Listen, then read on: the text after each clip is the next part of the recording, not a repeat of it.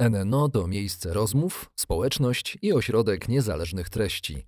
Do rozmów, dyskusji i debat prowadzonych w NNO zapraszamy przedstawicielki i przedstawicieli szeroko rozumianej nauki. Filozofów, etyków, psychologów, socjologów, działaczki i działaczy praw człowieka, ekologów oraz liderki liderów biznesu. NNO po stronie odpowiedzialności.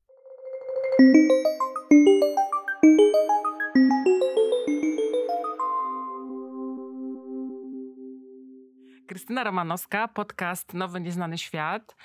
E, dzień dobry Państwu. Dzisiaj moim gościem jest e, bardzo ciekawy człowiek, który mieszka w różnych miejscach w Polsce, a nazywa się on Łukasz Misiuna. Dzień dobry Łukasz. Dzień dobry.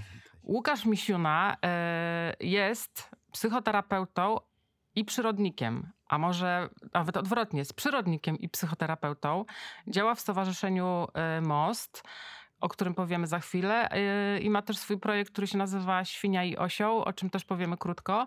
Ale najpierw chciałam Cię zapytać yy, o przyrodnika i psychoterapeutę. Bo mam wrażenie, że można być na przykład himalaistą i psychoterapeutą. Można być yy, odkrywcą, podróżnikiem i psychoterapeutą, ponieważ dokonało się czegoś i tego, co się dokonało, uczy się innych ludzi. Przyrodnik nie dokonuje, przyrodnik obserwuje. I y, mnie urzeka to połączenie, y, a jak ono się realizuje w życiu? Znaczy w twoim życiu psychoterapeuty jako przyrodnika, a przyrodnika jako psychoterapeuty? No, to tak nawiązując do tego, y, jak dzielisz, że to y, obserwuje się, a nie dokonuje. Myślę, że w obu dwóch tych y, obszarach się obserwuje głównie i ewentualnie potem dzieli spostrzeżeniami na temat obserwacji. Także to by była chyba cecha wspólna, ale rzeczywiście mm, na pierwszy rzut oka, na drugi, na trzeci to są odległe obszary.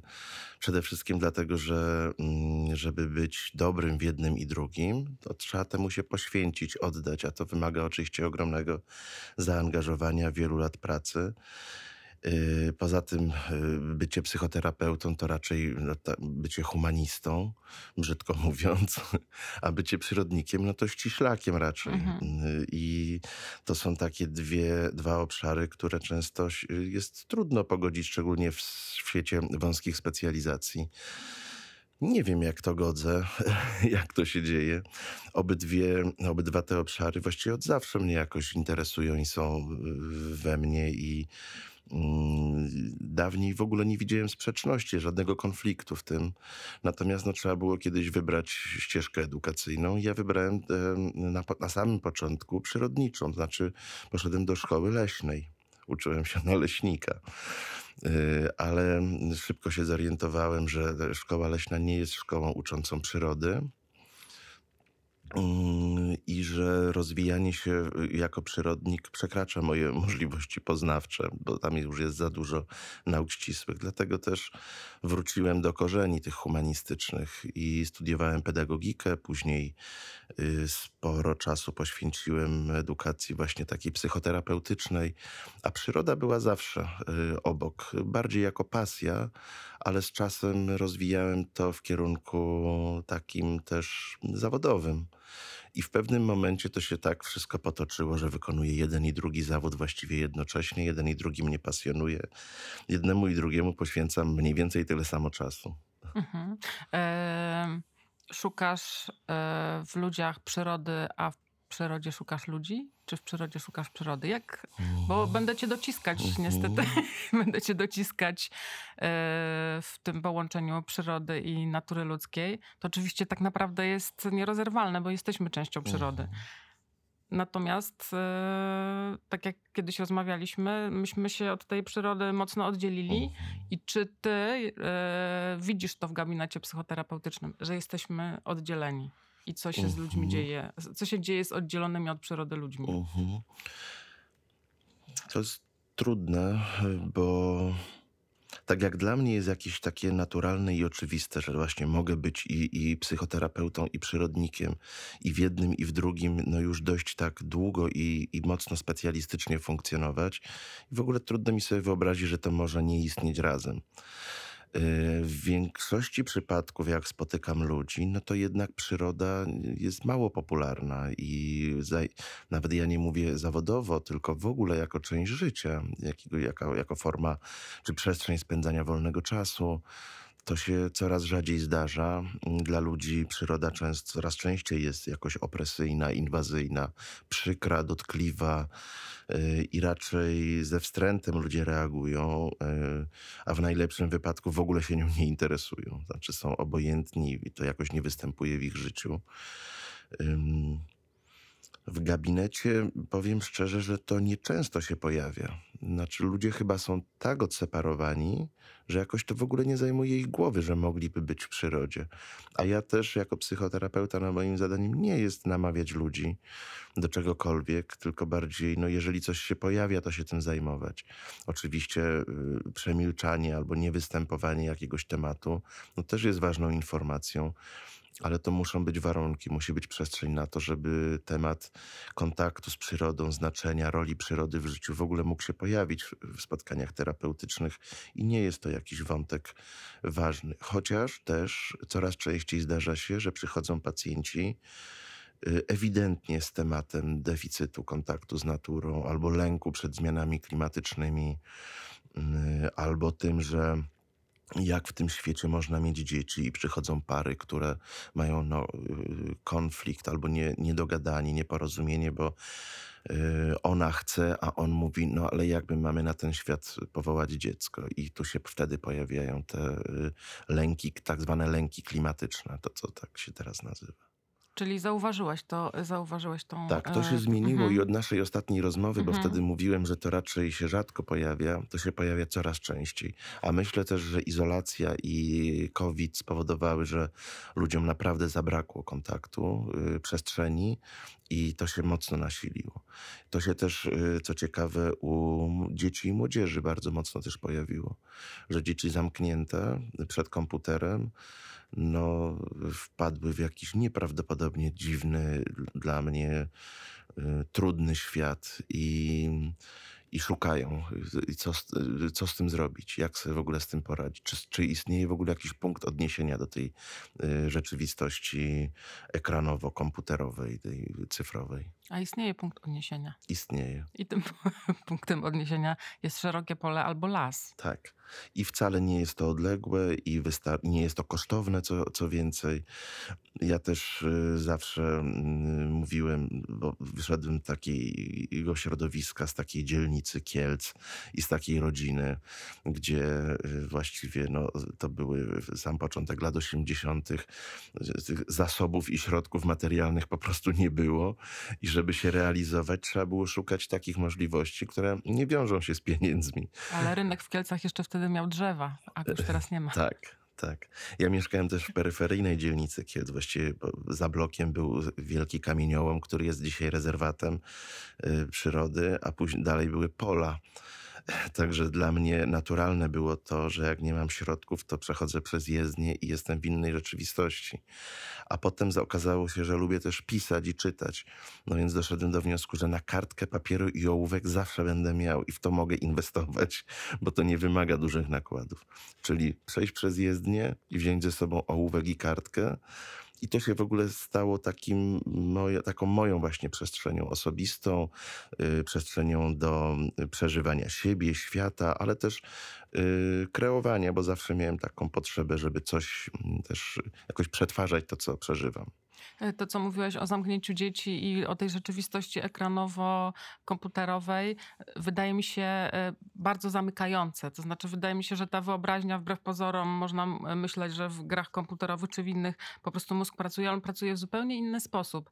E, Tłumaczysz ludziom te mechanizmy, tłumaczysz rodzicom, że, że, że jednak wypuszczajcie na świeże powietrze i że to jest ważne. Ludzie, ludzie to czują na przykład, że że mają iść w tą stronę, czy oni jakby kompletnie są pogubieni? Mm, Obawiam się, że bardzo często rodzicom jednak jest, znaczy oni to widzą, że to nie jest dobre i że to szkodzi, a z drugiej strony jest to dość wygodne. Znaczy, dziś, kiedy pracuje się tak strasznie dużo, no to kiedy można dziecko zamknąć w pokoju, posadzić przed ekranem, wierząc, że ono jednak bierze udział w lekcjach online, y, że to jest po prostu prostsze. I myślę, że w rodzicach jest ogromny dyskomfort, jakiś lęk i poczucie winy, a jednocześnie nadzieja, że jednak nie dzieje się nic złego. Że to jest taka mieszanina, która jednak w ostateczności sprowadza się do tego, że dzieci są kompletnie osamotnione, wyizolowane, wyrżnięte ze świata w taki tak naprawdę opresyjny sposób, bo to jest rodzaj, moim zdaniem, to co przeżywają, przeżywa wiele dzieci, młodzieży, to jest jakaś straszna samotność, opresja i poczucie bycia skazanym no i oczywiście próba adaptowania się do tego, czyli czerpania jednak przyjemności i korzyści mm, z tego, z tego świata. ale przychodzi moment, w którym rodzice trafiają z dziećmi do gabinetu, bo się okazuje, że z dziećmi dzieją się tak niezrozumiałe dla rodziców rzeczy, jakby ta kontakt jest tak y, zaburzony, zerwany często, że to są w ogóle światy, które nie mają wspólnego języka albo ten, ta wspólna płaszczyzna jest jakaś taka już zmarginalizowana i sprowadza się do jakichś tylko prostych gestów, y, czynności, a nie ma w tym kontaktu. Mhm. I mhm. jaki jest na to sposób? Bo jak, jak powiemy, że wspólny wyjazd na no dwa tygodnie w Karkonasze czy na ten, no to zabrzmi to idealistycznie. Idealistycznie, i, ale też nierealistycznie, bo, y, bo taki wyjazd, nawet jak już się uda takiego nastolatka y, wepchnąć kolanem do auta i go przewieźć te kilkaset kilometrów, to się okazuje, że ten pobyt jest przykry po prostu dla wszystkich, tam to, to nie jest przyjemne. Y, I nie ma prostej odpowiedzi. Mhm. Znaczy, to niestety, moj, według mnie, to jest długa praca rodzinna nad odbudowywaniem, nad szukaniem w ogóle wspólnych y, przestrzeni, możliwości kontaktu, y, krok po kroku. Y, tutaj myślę sobie, że nie ma radykalnych, błyskawicznych metod. Znaczy jest niezwykle ciężko to zrobić. Bywa tak, że są młodzi ludzie, którzy dość szybko załapują, że jednak są też inne przestrzenie ale to też często jest praca z takim nastolatkiem naprawdę długoterminowa i w taki nieoczywisty często sposób. Znaczy, jak się z nimi spotykam. Ja w ogóle generalnie y, jestem z takiej szkoły, gdzie się zakłada, że jeśli jest kłopot z nastolatkiem, to jest kłopot z całą rodziną. I do nastolatka no, trzeba docierać poprzez kontekst rodzinny, a nie tylko pracując z nim w oderwaniu od reszty ale czasami się zdarza, że młodzi ludzie nie chcą z rodziną pracować, nie chcą przychodzić, chcą wolą sami. I wtedy to jest tak naprawdę praca polega na zbliżeniu się do ich świata, próbie y, wniknięcia trochę, jakby pod, przyklejenia się do tego, czym oni żyją, zainteresowania się, zaciekawienia, co często jest trudne, bo często ten świat nie jest interesujący. On po prostu, to znaczy to jest nierzeczywistość jakaś i taka no y, przykra. Y, no ale oni tym żyją. To skoro oni tym żyją, to znaczy, że da się tym żyć i to znaczy, że tam jest coś takiego, co pozwala im w ogóle przetrwać. No to teraz moim zadaniem jest zobaczyć, co, dzięki czemu oni tam mają to, to życie y, i czy w ogóle jest przestrzeń na to, żeby cokolwiek inaczej próbować im tam urządzić. Często się zdarza tak, że terapeutycznie na nich działa samo to, że ktoś się w ogóle tym interesuje. I to jest w ogóle dla nich przełomowe doświadczenie. Znaczy, że oni jednak nie są beznadziejni, jednak nie są samotni, nie są skazani na to, yy, ten kontakt online z kimś, kogo nie widzą i żyją w świecie jakichś obrazów. A czy można przepisać nastolatkowi naturę na receptę? Nie. Nie można. nie można i też. Yy... Czy natura może być ciekawsza od rzeczywistości wirtualnej? Ja jestem przekonany, że jest ciekawsza. Yy, natomiast ja jestem analogowy. I właśnie kartkowo-ołówkowy. Także dla mnie A jak to przekonać jest... tabletowo-smartfonowego, że natura jest ciekawa? Je, ja nie przekonuję. Nie, nie mam tak, że, że mam jakąś potrzebę albo że to jest jakaś metoda terapeutyczna, żeby przekonywać. Bardziej to jest jako opcja, jako propozycja. Yy, Czasami też pracuję w taki sposób, że robimy yy, jakieś deale z młodymi ludźmi, że dobra, to ja skoro potrzebujesz tyle grać, to graj tyle, ale to może w takim razie wyjdź raz w tygodniu na godzinę i nie wiem, zobacz, co tam się w ogóle dzieje i jak cokolwiek cię zainteresuje, to zrób zdjęcie telefonem i pogadamy o tym. Także to są tego typu próby. Yy, Jakby w ogóle zwrócenia uwagi, bo to... Bo nie ma mowy o tym, żeby w kimś rozbudzić pasję przyrodniczą, jak on w ogóle pewnego obszaru nie widzi, nie istnieje dla niego. Także to są w ogóle próby pokazania, że można się oddalić od punktu A, znaleźć w punkcie B, a w tym punkcie B jeszcze być może znajdzie się coś, co ich uwagę zwróci. I tam nie ma mowy o żadnej wiedzy przyrodniczej, tego typu y, sprawach. To jest w ogóle przekier- próba przekierowania uwagi. O, może tak. Znaczy brz- brzmi to, jak słucham ciebie, to, to brzmi to dramatycznie.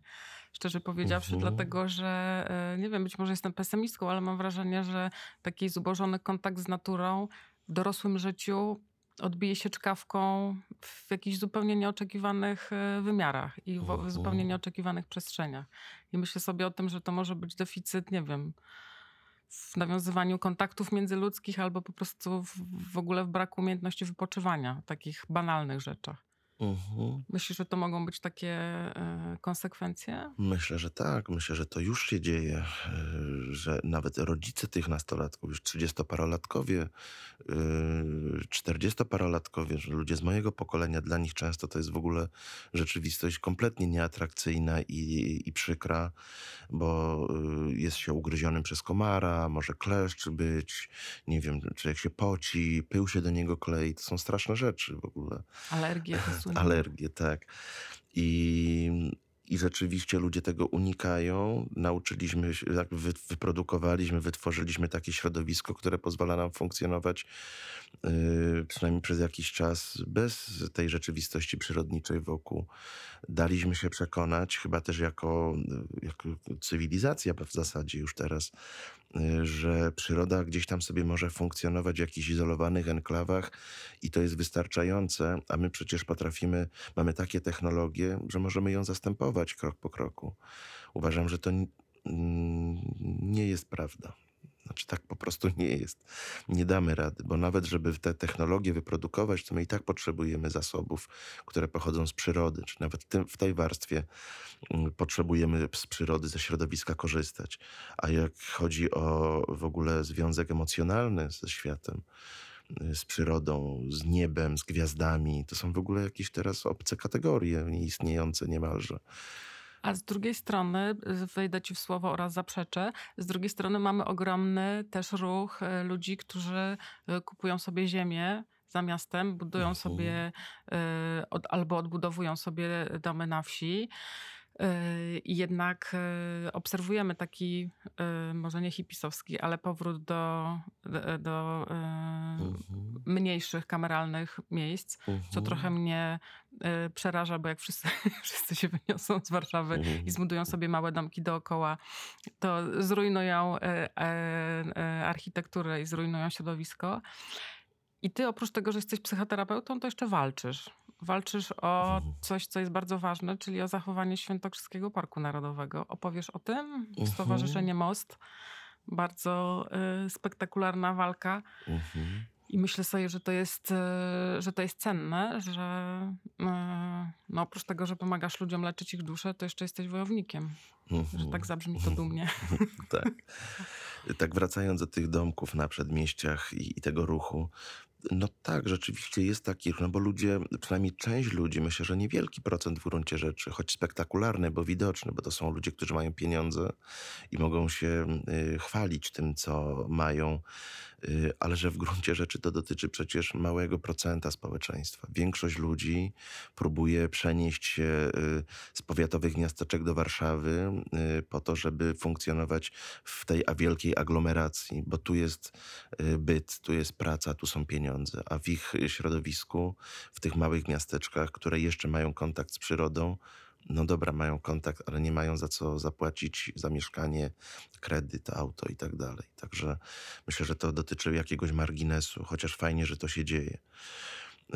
A co do Świętokrzyskiego Parku Narodowego i wojowniczości, ja chyba, ja pamiętam taki moment, jak miałem y, chyba 15 lat i dotar, dotarło do mnie wtedy pierwszy raz, że mm, rzeczywiście gatunki wymierają. No to był 90 rok. Mną to wtedy wstrząsnęło. Znaczy ja przeżyłem e, absolutny, kompletny kryzys i, i depresję, taką parot- zaburzenie depresyjne, jakby to dzisiaj nazwać, parotygodniowe, bo się poczułem kompletnie bezsilny, yy, przerażony i że w ogóle trzeba natychmiast coś zrobić, żeby to powstrzymać. No jest 2021 rok. Yy, jesteśmy w, w dramatycznym położeniu. Jako gatunek, środowisko, ca- cała planeta zaczyna płonąć, topić się i to jest wstrząsające. A Świętokrzyski Park Narodowy w tym wszystkim,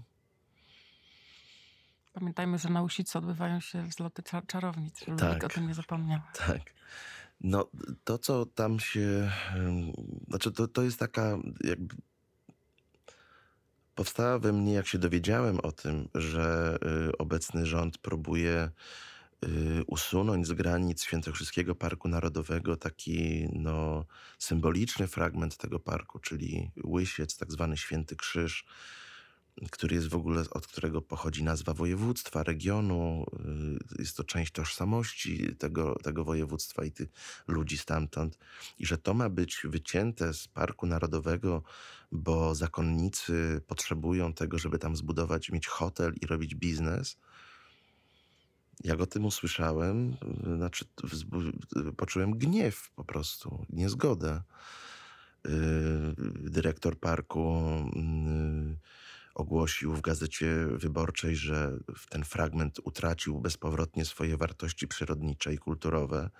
Ja autentycznie byłem wstrząśnięty, bo pomyślałem, że tam doszło do jakiegoś wycieku radioaktywnego, nie wiem, yy, skażenia chemicznego. No, znam to miejsce i sobie nie wyobrażałem, że tam coś mogło się takiego wydarzyć. No i zainteresowałem się sprawą, zacząłem ją badać, śledzić, czytać. Tym bardziej, że dla Świętokrzyskiego Parku Narodowego w poprzednich latach wykonywałem rozmaite ekspertyzy, interweniowałem w przypadku różnych szkodliwych inwestycji w otulinie parku, jeszcze za poprzedniej dyrekcji. Yy, Także czułem związek z tym miejscem i znałem je, rozumiałem, wydaje mi się. I tak jak mówię, poczułem złość, gniew, niezgodę i zacząłem walczyć o to miejsce y, na różne dostępne mi sposoby. To znaczy uznałem, że jedyne co można robić sensownie, no to jest niestety, ale walka procedurami, prawem. Co się wydaje też może idealistyczne i karkołomne w dzisiejszej Polsce. No ale tak wybrałem. I co wywalczyłeś? Na razie wywalczyłem trochę czasu. Czas jest cenny. Tak, na razie wywalczyłem już ponad dwa lata, to znaczy na skutek tych y, y, interwencji, działań, pism, apeli, badań naukowych, y, poruszania mediów, środowiska naukowego, społecznego i politycznego.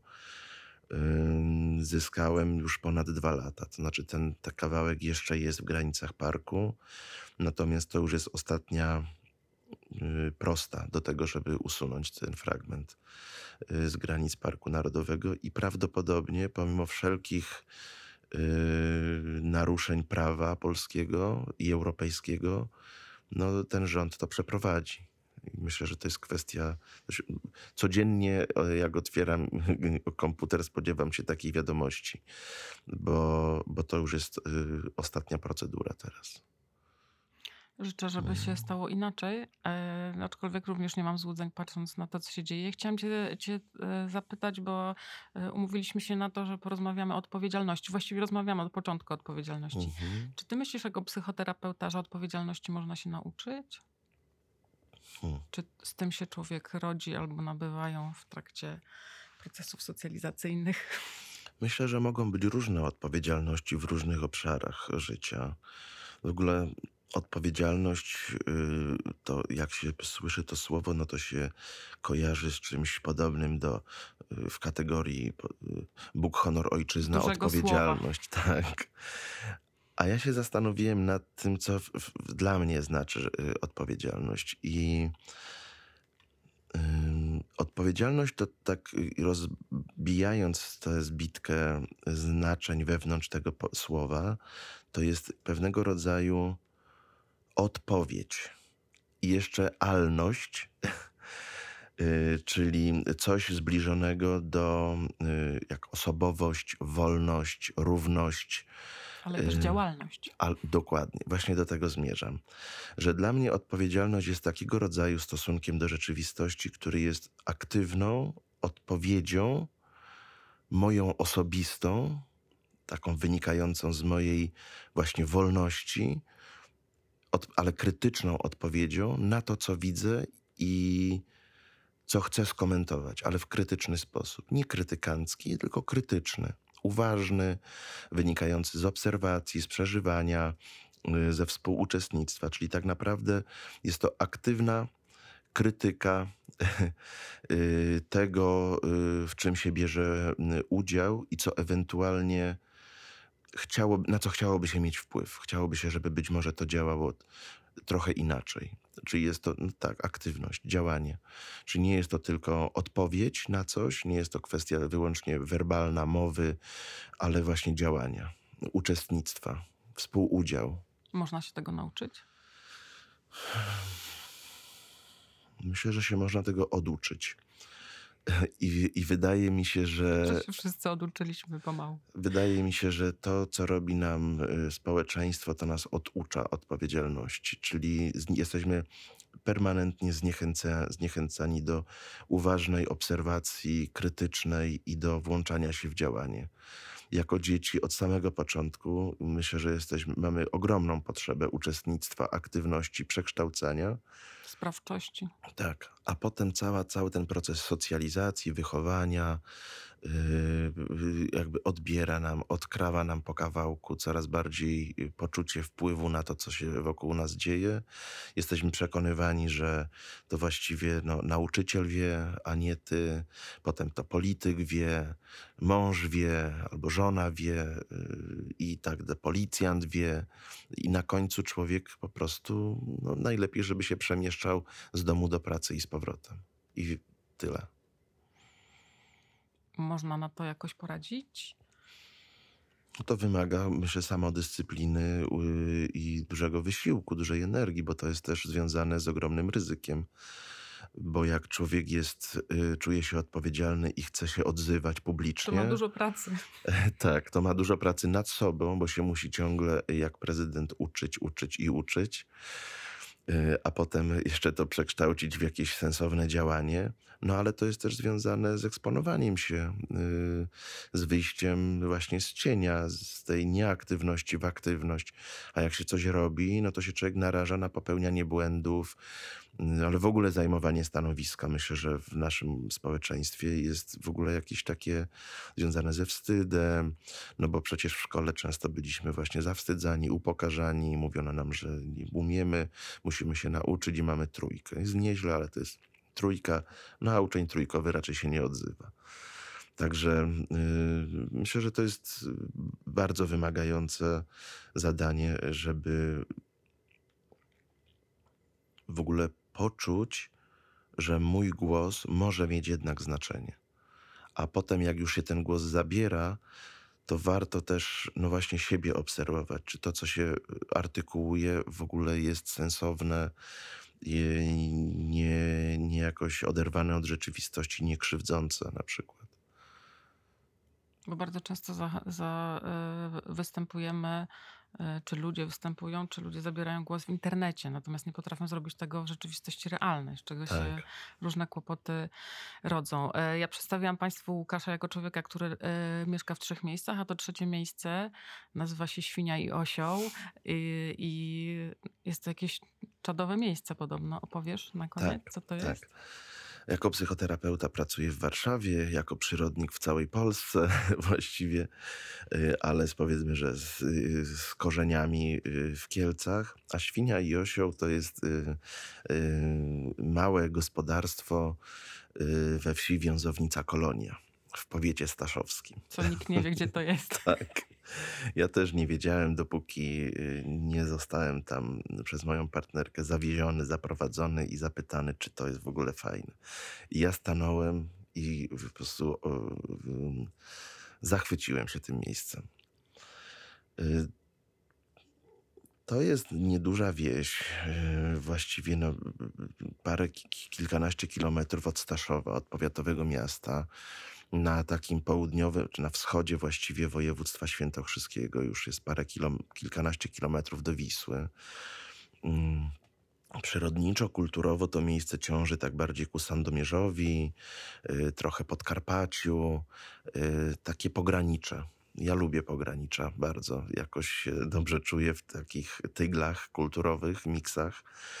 Y, I, I tam też się dobrze poczułem, chociaż zawsze byłem bardzo związany z górami świętokrzyskimi i z tym takim posępnym mrokiem gór świętokrzyskich. A tam jest słonecznie, ciepło, są winnice, y, mnóstwo ciepłolubnych siedlisk i lasów. W ogóle kompletnie inne. Łąki kwietne. Tak, tak. I murawy kserotermiczne. Y, Konkol też tam rośnie. Rośnie konkol. y, Są gatunki właśnie ciepłolubne, takie południowo-wschodnie. Także zupełnie inny kontekst przyrodniczy. Bardzo rzadka zabudowa, duże odległości pomiędzy domami, naturalne rzeki, łąki, lasy. Po prostu raj. Tak, tak. Cisza. Nie wiem, no wspaniale. A świnia i osioł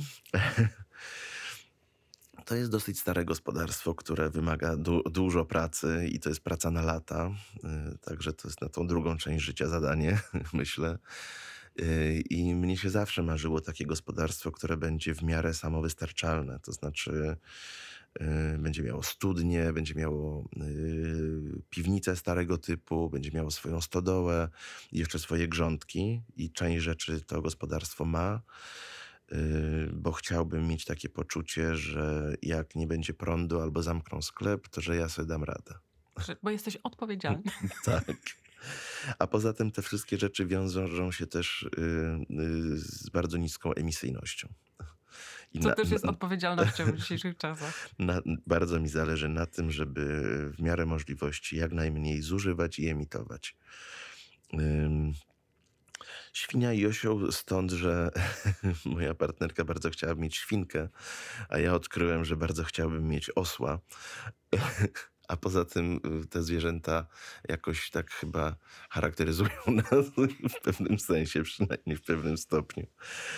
I, y, i, i są, obydwa te gatunki są, jak się okazuje, bardzo sympatyczne i kulturalne również potrafią być czasem. Podobnie jak my. Y, I chcemy zrobić książkę o wiązownicy, taką książkę artystyczną, nie przyrodniczą. Ola jest redaktorką ym, w PWN-ie, także książka to jest z kolei jej taka rzeczywistość i jej świat. No, dla mnie książki też są ważne, a jednocześnie y, dla mnie no, ta właśnie przestrzeń taka przyrodnicza. I chcemy wydać książkę właśnie jako wydawnictwo Świnia i Osioł. Ma być to książka artystyczna z ilustracjami. Yy, już część mamy, yy, z niewielką ilością tekstu. I to ma być książka, która będzie prowadziła trochę jak taka, trochę książka drogi.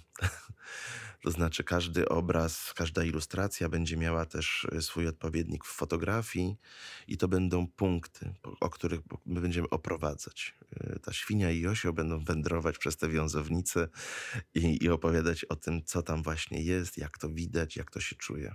To powiem tylko tyle, że jadę. E, Łukasz Misiuna e, opowiedział nam piękną historię, opowiedział nam o odpowiedzialności i o tym, żeby się odpowiedzialności, broń Boże, nie oduczać, tylko ją nabywać i kultywować. E, bardzo dziękuję Łukasz. Łukasz Dziękuję za zaproszenie. Łukasz Misiuna, Stowarzyszenie Most, przyrodnik i psychoterapeuta, a podcast nazywa się Nowy Nie- Nieznany Świat i bardzo Państwu dziękuję. Krystyna Romanowska. Dziękuję.